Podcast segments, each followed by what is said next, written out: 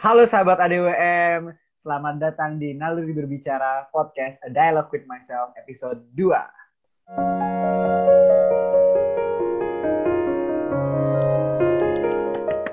Oke, jadi selamat datang teman-teman. Eh, hari ini gue diberikan kesempatan untuk mengisi podcast kedua ini dan tentunya gue nggak sendiri aja. Di sini ada Nona cantik di sini bersama kita. Oke, say hi dong, say hi dong. Halo, halo semua sobat ADWM. Kenalin, eh, nama aku Raisya Graura. Aku mahasiswi di Universitas Udayana, jurusan Sastra Inggris. Oke, hai Raisya. Gue panggilnya gimana? Gue panggilnya gimana nih? Raisya, Raisya boleh.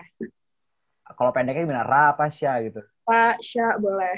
Oke, oke, gue ngasih aja deh. Oke, eh Raisya kan udah kenal diri nih. Sekarang gue yang kenal diri. Eh perkenalin teman-teman, eh, nama gue Alvin Marco. Kalian dipanggil eh, Al, Alfian, Fian, Pian, Marco. Banyak banget dipanggil, tapi nama depan aja. Jangan Marco ya.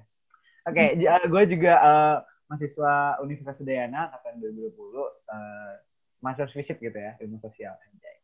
Oke, jadi eh, sesuai dengan oh, mungkin teman-teman udah ngeliat nih dari judulnya kan. Eh, kalau di-share di YouTube nih. ya, jadi kita hari ini bakalan ngomongin tentang toxic positivity. Oke.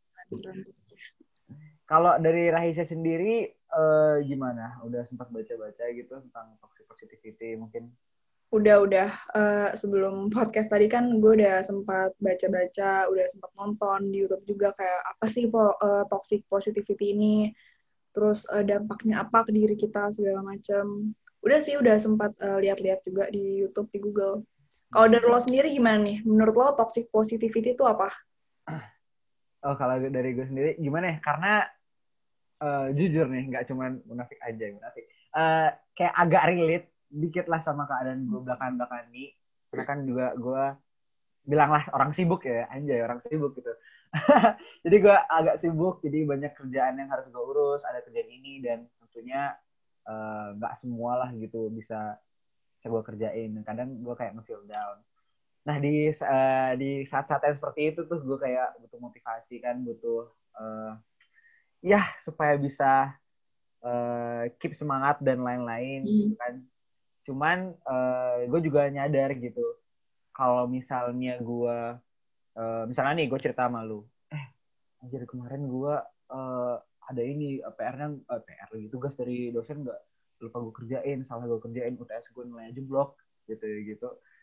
Itu kayak gimana ya kalau eh, kadang gue bicara sama orang lain tapi entah kenapa malah tambah buruk kayak malah tambah terpuruk malah tambah nggak ada hasil apa-apa nggak ada nggak ada semangatnya tetap lagi inget oh iya astaga belum kerjain gitu nah makanya gue dari saat itu gue kayak mikir oh iya emang toxic positivity aja dan gue ngerasa karena banyak juga yang curhat sama gue Ya. ya anja cewek-cewek ya nggak cuma cewek aja gitu.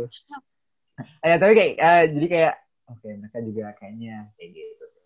Kayak gitu sih kalau gue ngeliat toxic positivity itu apa ya kadang banyak orang yang salah salah salah ngira gitu.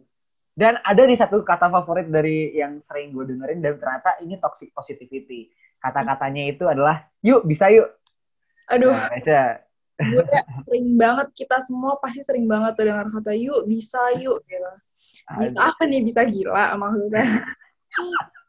nah iya kayak gitu. Oke eh terus kita lanjut nih masuk. Kira-kira Raisya eh, kamu punya lu punya nggak sih kayak cerita yang relate gitu tentang toxic positivity? Kalau gue kan tadi gue udah bilang tuh gue Hmm. juga belakangan ini sibuk banget gitu. Kalau lu sendiri gimana? Kalau dari gue nih, cerita toxic positivity gue, jujur gue ngerasa cukup berpengalaman. Banyak juga cerita-cerita kayak gitu. Anak muda, biasa deh gitu ya. Maksudnya, eh, apalagi sekarang kan online gitu, semua serba kelihatan di sosial media gitu kan. Jadi pasti apa-apa tuh makin kayak kayak intens aja gitu menurut gue. Tapi kalau dari toxic positivity sendiri itu jujur gue pernah mengalami ibaratnya jadi korbannya dan jadi orang yang melakukan si jadi orang yang toksik itu juga ke orang Oke. lain gitu loh. Nggak, bukan cuma jadi korbannya aja, eh, bukan gue pernah juga jadi pelaku kejahatannya ibaratnya. Kalau dari ceritanya tuh lebih yang kayak misalnya gue uh, cerita sesuatu sama temen gue nih gitu kadang tuh ada beberapa dari mereka tuh yang nanggepinnya yang kayak uh, lo tuh mungkin kurang sholat gimana kurang nih gitu atau uh, ah malah jadi adu nasib. Ah gue adu nasib. uh, gue pernah juga kok ngalamin yang lebih susah dari lo. Nanti begitu mereka udah saling adu nasib nih sama sama kehidupan gue nanti mereka bakal bilang gue gue lebih berat. Jadi menurut gue tuh uh, lo harus bisa lebih semangat. Lo tuh nggak boleh sedih. Lo nggak boleh uh, lo harus selalu bersyukur uh, lo lo kayak kayak kayak akhirnya tuh kalimat-kalimat positif itu justru gue ngerasa jadi racun gitu buat gue. Jadi yang kayak sabar aja nanti juga pasti ada jalan keluarnya. Sampai akhirnya tuh gue ngerasa karena keseringan denger kata-kata kayak gitu gue sampai yang kayak gue nggak ngerasa gue mau cerita lagi sama orang. Karena mereka kad karena kadang gue cerita tuh cuma pengen didengerin doang loh. Kayak gue cuma butuh orang yang bener-bener bisa dengerin gue yang bukannya malah jadi adu nasib bukannya malah bilang kalau misalnya bukannya malah gak memvalidasi perasaan yang gue rasain gitu loh. Karena menurut gue toxic namanya juga toxic ya beracun gitu loh. Jadi yang kayak hmm perasaan seseorang setiap orang tuh menurut gue bener-bener harus divalidasi. Kayak nangis tuh nggak apa-apa sedih nggak apa-apa. Kayak misalnya misalnya lo putus sama pacar lo terus orang bilang kayak nggak apa-apa uh, tenang aja nanti juga ketemu yang baru lagi ya, cuma maksudnya diterima dulu gitu loh perasaannya. Kayak nggak apa-apa nangis dulu nggak apa-apa sedih-sedih dulu nggak apa-apa ngerasa kayak duh kok gue ditinggalin itu nggak apa-apa loh sebenarnya ngerasa sedih kadang tuh orang-orang di sekitar kita tuh terlalu terlalu maksain kita untuk berpikir positif gitu loh. Sampai akhirnya tuh yang e, ngebawa kita ke arah yang jadinya kita bukan senang beneran kita malah jadi pura-pura senang gitu loh. Karena karena kita secara nggak langsung dipaksa sama lingkungan kita untuk kayak untuk selalu ngerasa senang padahal ya namanya juga manusia ya nggak boleh nggak boleh nggak boleh bohong sama orang nggak boleh bohong sama diri sendiri gitu loh dan kalau dari gue jadi pelakunya ya pernah sih, gue pernah juga jadi pelaku. Ibaratnya jadi pelaku kejahatan ini kayak pernah temen gue cerita, terus gue yang kayak, duh sabar ya, lo harus sabar, uh, apa namanya, lo harus selalu bersyukur gitu-gitu. Padahal maksud gue, seharusnya gue gak ngomong kayak ya, gitu, cuma gitu gue udah paham uh, gimana seharusnya orang tuh bersikap kalau dia cerita segala macem, ya udah hampir nggak pernah kayak gitu lagi ke orang. Oke, okay, udah hampir gak pernah ya. Tapi uh, sebenarnya gue ngerasa kayak toxic positivity ini apa ya? Bukan sesuatu yang disengaja. Bener sih kayak kita niatnya baik kan ya sama iya, sama iya kita gitu. Cuman mungkin kita uh, secara nggak sengaja karena kita nggak tahu teknik yang benar, mm -hmm. kayak cara yang benar gitu kita malah secara tidak langsung itu malah uh, melukai bukan melukai, melukai motivasinya dia gitu juga. Oh by the way, ada satu uh, fun fact nih, gue punya teman dan dia orangnya cukup unik, uh, quite unique gitu. Dia sebenarnya sama dia sebenarnya sama kayak gue kan kayak uh, anjay ya orang Bali cuman bisa ngomong gue lo gue lo gitu. ya terus uh, gue juga pernah ngomong sama dia kayak tentang masalah yang bersyukur dan lain-lain kayak eh di luar sana ada loh orang yang lebih uh, sibuk daripada lo, orang yang lebih apa ya, lebih membutuhkan daripada lo, lo terus bersyukur. Gue kan uh, sering ngomong pernah ngomong kayak itu awal dia. Habis itu dia itu ngomong gini kayak dia uh, ngomong gini ke gue jujur gue nggak suka kayak uh, bersyukur karena ada orang yang statusnya lebih daripada gue itu menurut gue itu show and fraud tau nggak show bener nggak ya gue ngomongnya and fraud gitu? Hmm. tau nggak lo oh, gimana? Gue belum pernah denger. And fraud itu kayak uh, rasa bahagia ketika melihat orang lain menderita gitu. Oh ya ya, hmm. ya, ya. jadi kayak gue ngerasa gue ngerasa kayak oh iya ya benar juga ya. Kalau misalnya kita bersyukur karena kita itu keadaan yang lebih baik daripada orang lain berarti secara nggak langsung kita ngegunain keadaan orang lain yang menderita itu jadi apa ya loncatan buat kita supaya bahagia gitu. Mm-mm. makanya gue kayak oke. Okay, iya benar benar benar benar dan jujur kayak itu juga menurut gue masuk dari toxic positivity. Oh by the way lu uh, sebelum podcast ini lu udah tahu toxic positivity atau belum nih? Kalau dari pandangan gue secara garis besar ya yang yang bisa di yang bisa mudah dimengerti juga nih sama sobat HDWM menurut gue tuh toxic positivity itu tuh kayak kalimat positif, tapi uh, nanti untuk menerimanya tuh bisa jadi beracun loh di loh ibaratnya. Kayak oke okay, lo bisa kayak ibaratnya lo ngomong sabar ya, uh, lo harus selalu senang, harus selalu senyum. Itu terdengarnya positif banget kan kalimatnya.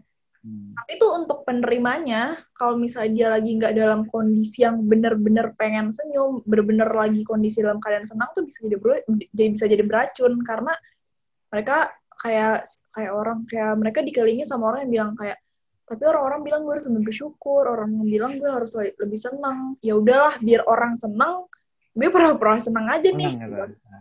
itu itu menurut gue toxic positivity itu yang kayak gitu yang akhirnya kita kayak jadi uh, uh, ngeganggu gimana ya secara nggak langsung yang ngeganggu mental orang lain gitu loh ibaratnya. Karena kita nggak memvalidasi perasaan mereka sebenarnya menurut gue tuh kayak gitu Oke, okay, keren, keren, keren. Oke, okay, kalau kalau Raisya sendiri, uh, kan tadi Raisya bilang nih pernah jadi pelaku tuh, ya kan? pernah jadi korban dan pelaku. Uh, Raisya kira-kira kapan, kapan sih sadar gitu? Ih, oh iya gue, gue, gue pernah jadi pernah jadi pelaku toxic positivity juga nih. Gitu. Apakah tadi pas barusan ngelihat toxic positivity, positivity itu atau udah lama gitu? Hmm, kalau gue pernah jadi pelakunya ya pasti pernah ya sebelum gue ngerasa concern banget sama yang namanya mental health. Kayak misalnya setiap orang tuh gue ngerasa menurut pribadi gue ya gue ngerasa setiap orang tuh pasti struggling sama mental health yang mereka masing-masing gitu loh. Dan gue juga pasti pernah gitu loh dan sebagai pelakunya ini tuh uh, apalagi pas dulu gue bener-bener belum paham terus kayak gue ini jujur-jujuran aja kayak gue pernah yang kayak gue temenan sama orang uh, tapi nggak begitu deket nih gitu loh. Jadi kalau misalnya tuh orang cerita ke gue kayak dulu tuh gue nanggepinnya yang kayak ya udah deh sabar aja gitu. Bersyukur aja ada kok orang yang hidupnya lebih dari lo padahal sih seharusnya gue nggak boleh kayak gitu ya maksudnya. Yang itu nggak salah banget. Justru menurut gue kalau misalnya ada orang cerita atau kalau misalnya kita cerita ke orang kalau misalnya lo nggak bisa mengatakan sesuatu yang membantu atau mereka nggak atau mereka nggak meminta saran lo atau lo ngerasa lo nggak bisa mengatakan sesuatu yang baik diam tuh udah cara, cara paling benar loh menurut gue.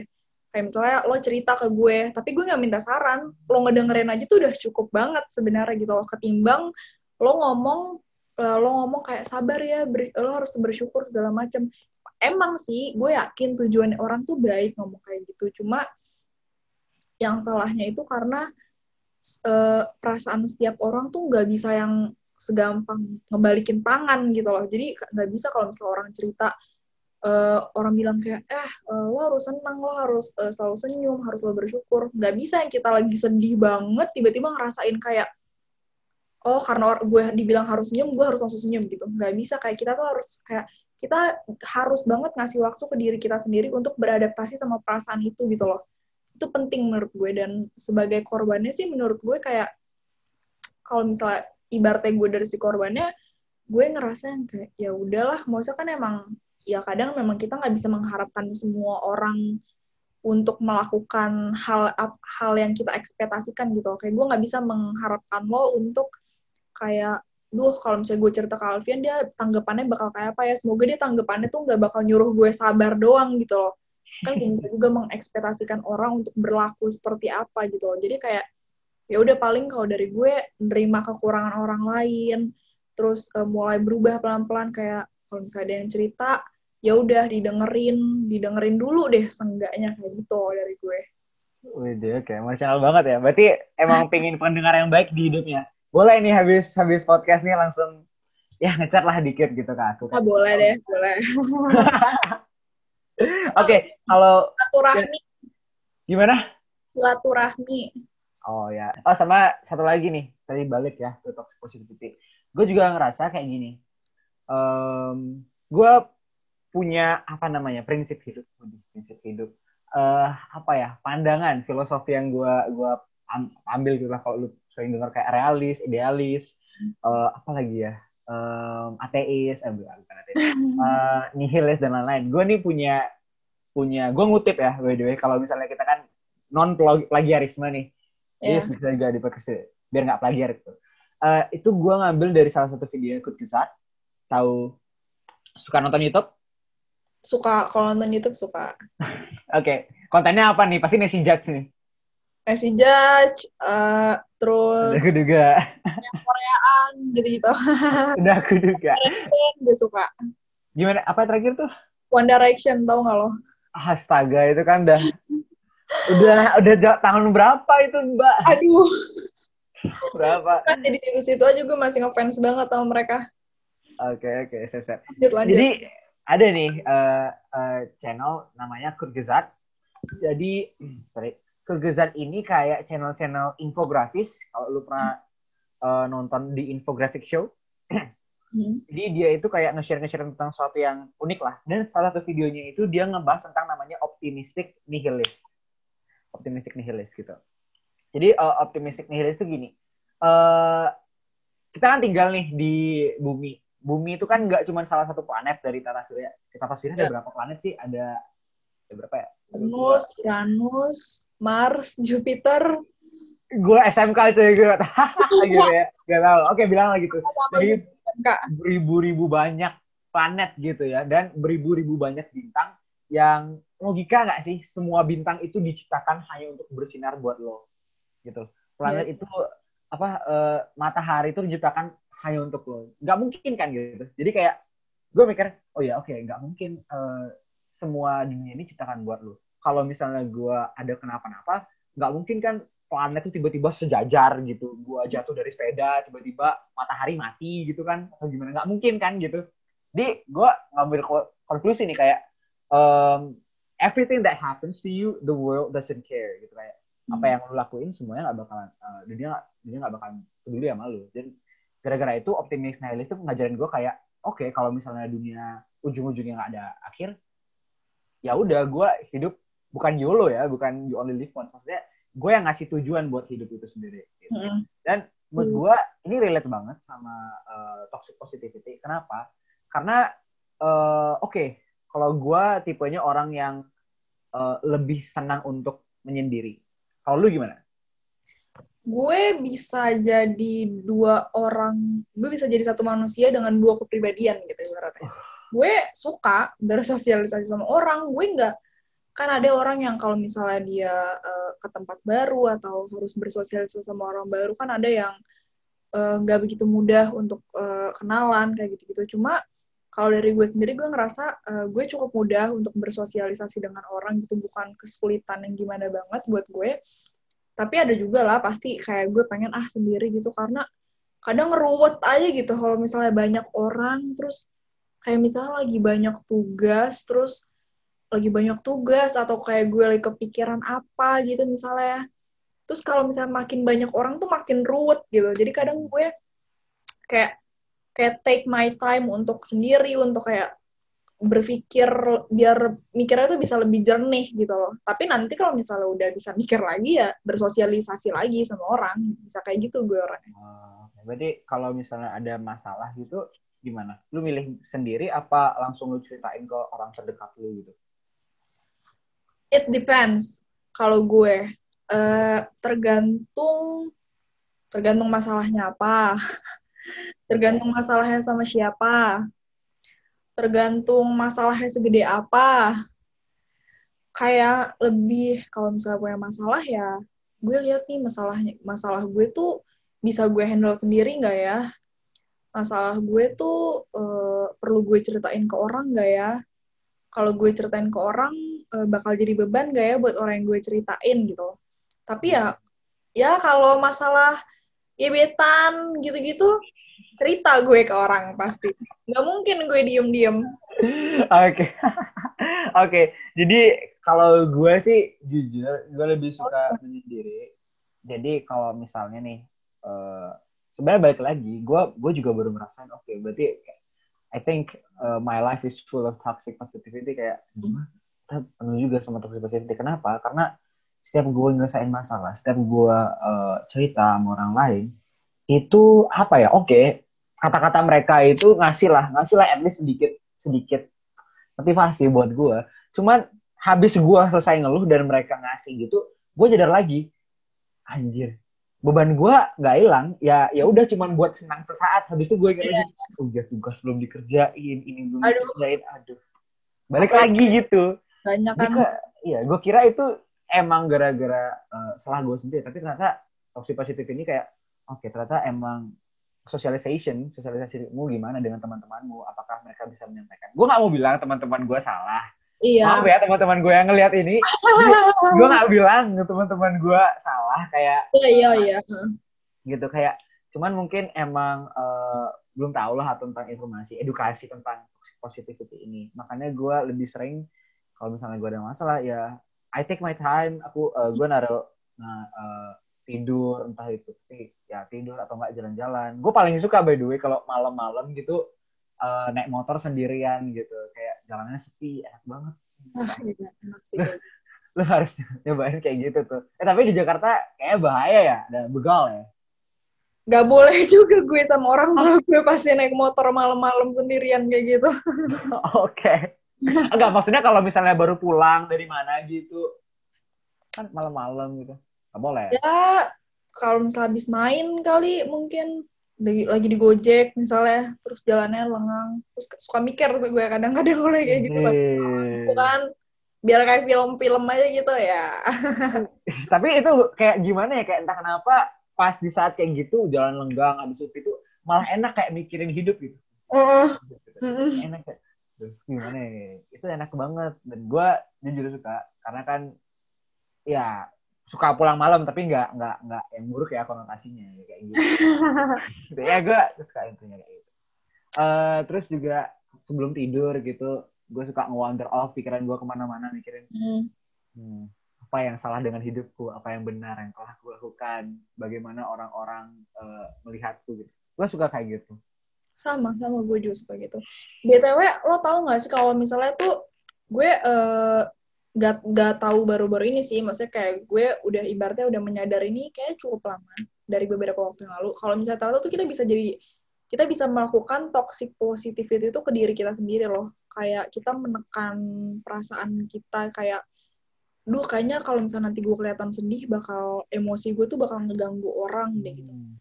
kayak kalau misalnya nanti gue misalnya kayak gue nunjukin misalnya gue lagi sedih nunjukin gue lagi marah kayak gitu nanti ah tak, ah udah ah gue kayak gue eh, simpen sendiri aja emosi gue ke orang lain gak perlu tahu. Gue pura-pura senang aja gitu. Sebenarnya tuh tuh toxic positif itu juga loh. Kayak kita kayak ya kayak tadi gue bilang lagi-lagi kita nggak memvalidasi perasaan kita sendiri gitu loh. Kayak padahal sebenarnya itu penting banget untuk meluapkan perasaan kita dan itu nunjukin juga kalau kita juga cuma manusia gitu loh. Kayak mm, hewan aja yang katanya nggak punya akal aja mereka bisa sedih gitu loh ibaratnya.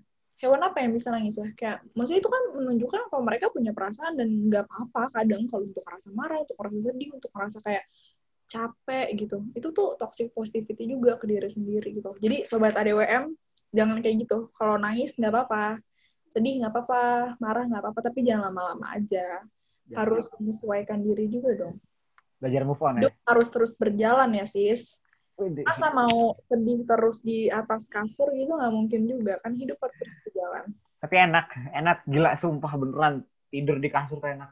Iya kalau ada masalah tidur? nangis abis lagi pusing banget kayak nggak boleh jalan keluar tuh kayak tidur tuh udah kayak the best option gitu loh. Kayak wah gila langsung di kasur enak gitu. Sumpah, sumpah. Gue sering sih, gue sering kayak gitu.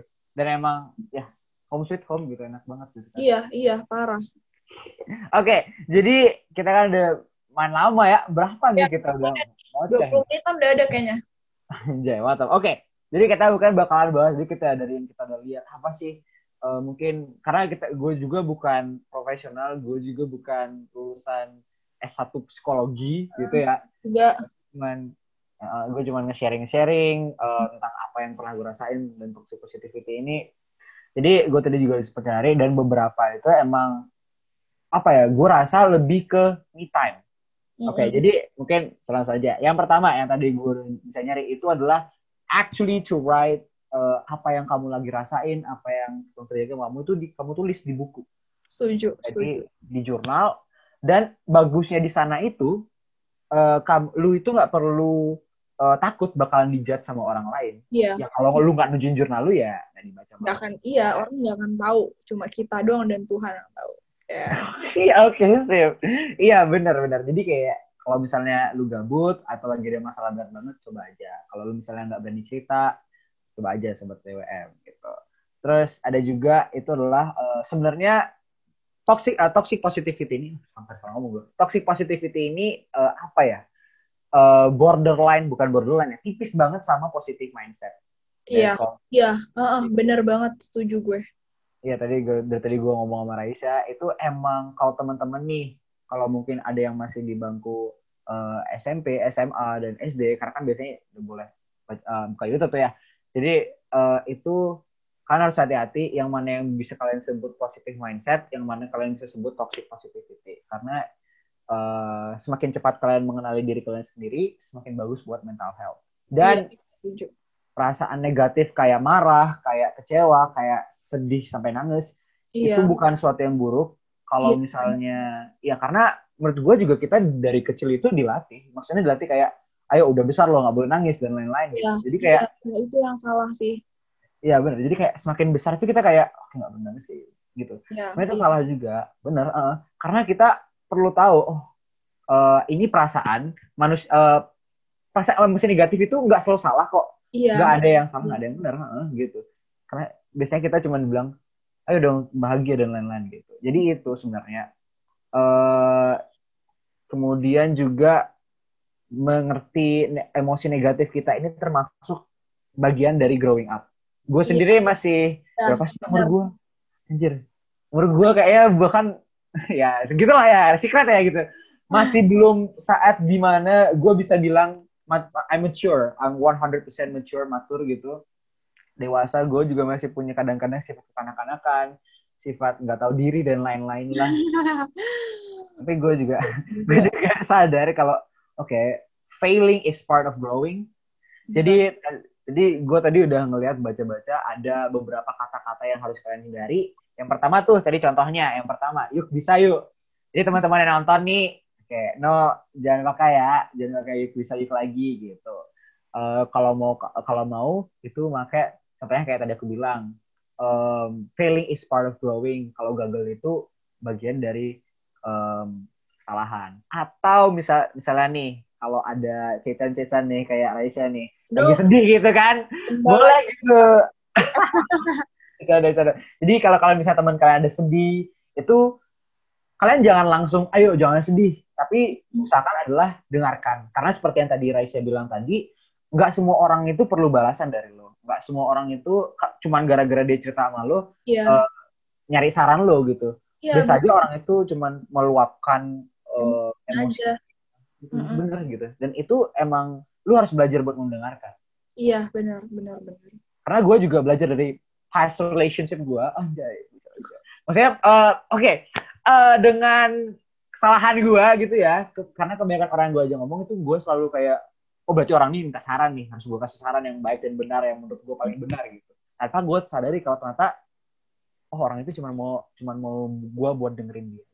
Gara-gara itu gue dikit punya temen ya. Huh, gitu. canda, canda, canda. Oke, okay. jadi kayak gitu. Oke, okay, karena kita udah lama juga nih podcast hmm. kita. Gimana untuk Raisa sendiri? Atau tanggap terakhir nih? Kalau dari gue, pokoknya untuk siapa pun yang nonton ini, Sobat ADWM, kalau menurut gue, uh, kayak tadi Alvin bilang, emang toxic positivity itu beda tipis banget sama positive mindset.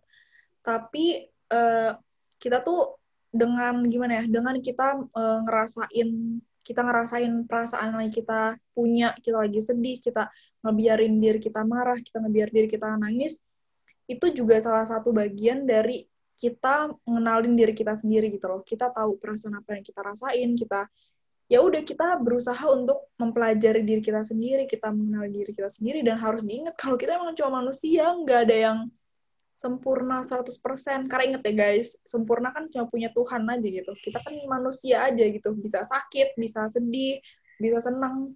Kita cuma... Kamu sempurna kok di mataku sih. Aduh, belum ya kok. Ah, nanti gue nge-fly nih. Untung okay. di atas gue deh atap. Aduh, makasih. Kepala gue besar, anjir. Okay. lanjut, lanjut, lanjut, lanjut. Lanjut. Ya itu menyadari kalau kita emang cuma manusia kita nggak kita nggak sempurna kita uh, kita berhak untuk merasakan sedih untuk merasakan marah untuk merasakan kecewa gitu. Dan menyadari kalau hidup tuh nggak selamanya senang-senang aja say. Ada bumpy roads-nya juga yang harus dilewatin gitu loh. Kayak kan masak Indomie aja nggak ada yang masak Indomie instan aja katanya instan tapi kita masih harus membuka bumbunya dulu masih harus nyemplungin dulu ke dalam air panas nunggu tuh mie apa lunak dulu baru bisa kita makan enak gitu kan. Kayak manusia juga sama kayak gitu. Kayak menyadari nggak ada nggak ada semua instan nggak ada semua yang sempurna gitu. Jadi kayak nggak apa-apa kalau sedih nggak apa-apa kalau kita marah nggak apa-apa kalau kita kecewa. Tapi harus selalu ingat kalau misalnya kita harus selalu bangkit karena tuh kita punya kehidupan yang harus kita jalanin uh, terus-terusan sampai nanti deh waktu kita udah meninggal gitu lah. Kayak hidup kan terus berjalan ya. Wah, masa mau tidur terus? Tidur tapi ngayalnya dapat duit tuh nggak bisa kayak gitu. kerja keras, harus usaha gitu. Ya bisa lah, kita pasti bisa uh, pasti bisa menjadi pribadi yang lebih baik gitu loh. Oke, oke. BTW sih, lu masak Indomie berapa menit mie-nya? Gue kayak gak sabaran banget, jadi itu air belum panas, gue udah cemplungin aja mie-nya. Jadi Tapi kalau gue. Oh, kok cepet anjir. Gak matang dong. Karena nggak sabar jadi gue makan mie setengah matang aja gitu kalau gue. Aduh. Anaknya. Kalau gue nggak, gue itu apa ya sistematis banget. Jadi kan ada tuh, uh, karena gue gue nyesel kayak gue kesel kayak setiap kali dulu setiap kali gue masak mie itu selalu kelembekan lah, kekerasan lah. Jadi kayak, anjir gimana? Akhirnya gue baca tuh di bungkusannya gitu kan, gue baca tiga menit dan itu I take it literally gitu gue masang gue masang alarm tiga menit jadi gue mak gue gue masukin minyak gue lari ke HP gue klik tiga menit itu ya oke okay, kurang kerjaan sih rajin ya rajin banget sampai nyalahin timer kayak gitu sistematis dong gitu. hidup kan harus ter ter, ter, ter, ter ya, Oke, okay, gimana nih, Sya? Kita sepertinya udah di penghujung podcast kedua yeah. kali ini Silakan. Ya. Semoga uh, semoga sobat ADWM yang nonton podcast ini, semoga apa yang kita ceritain bisa membantu kalian bisa melihat gambar yang lebih jelas gitu loh. Sebagai manusia itu kayak apa. Kalau misalnya sedih ya nggak apa-apa, sedih gitu loh. Terima aja perasaan kayak gitu. Semoga kita bisa membantu, semoga uh, cerita kita ini bisa ngebuat kalian gak ngerasa sendiri karena adanya ADWM adalah untuk menemani kalian-kalian semua ini.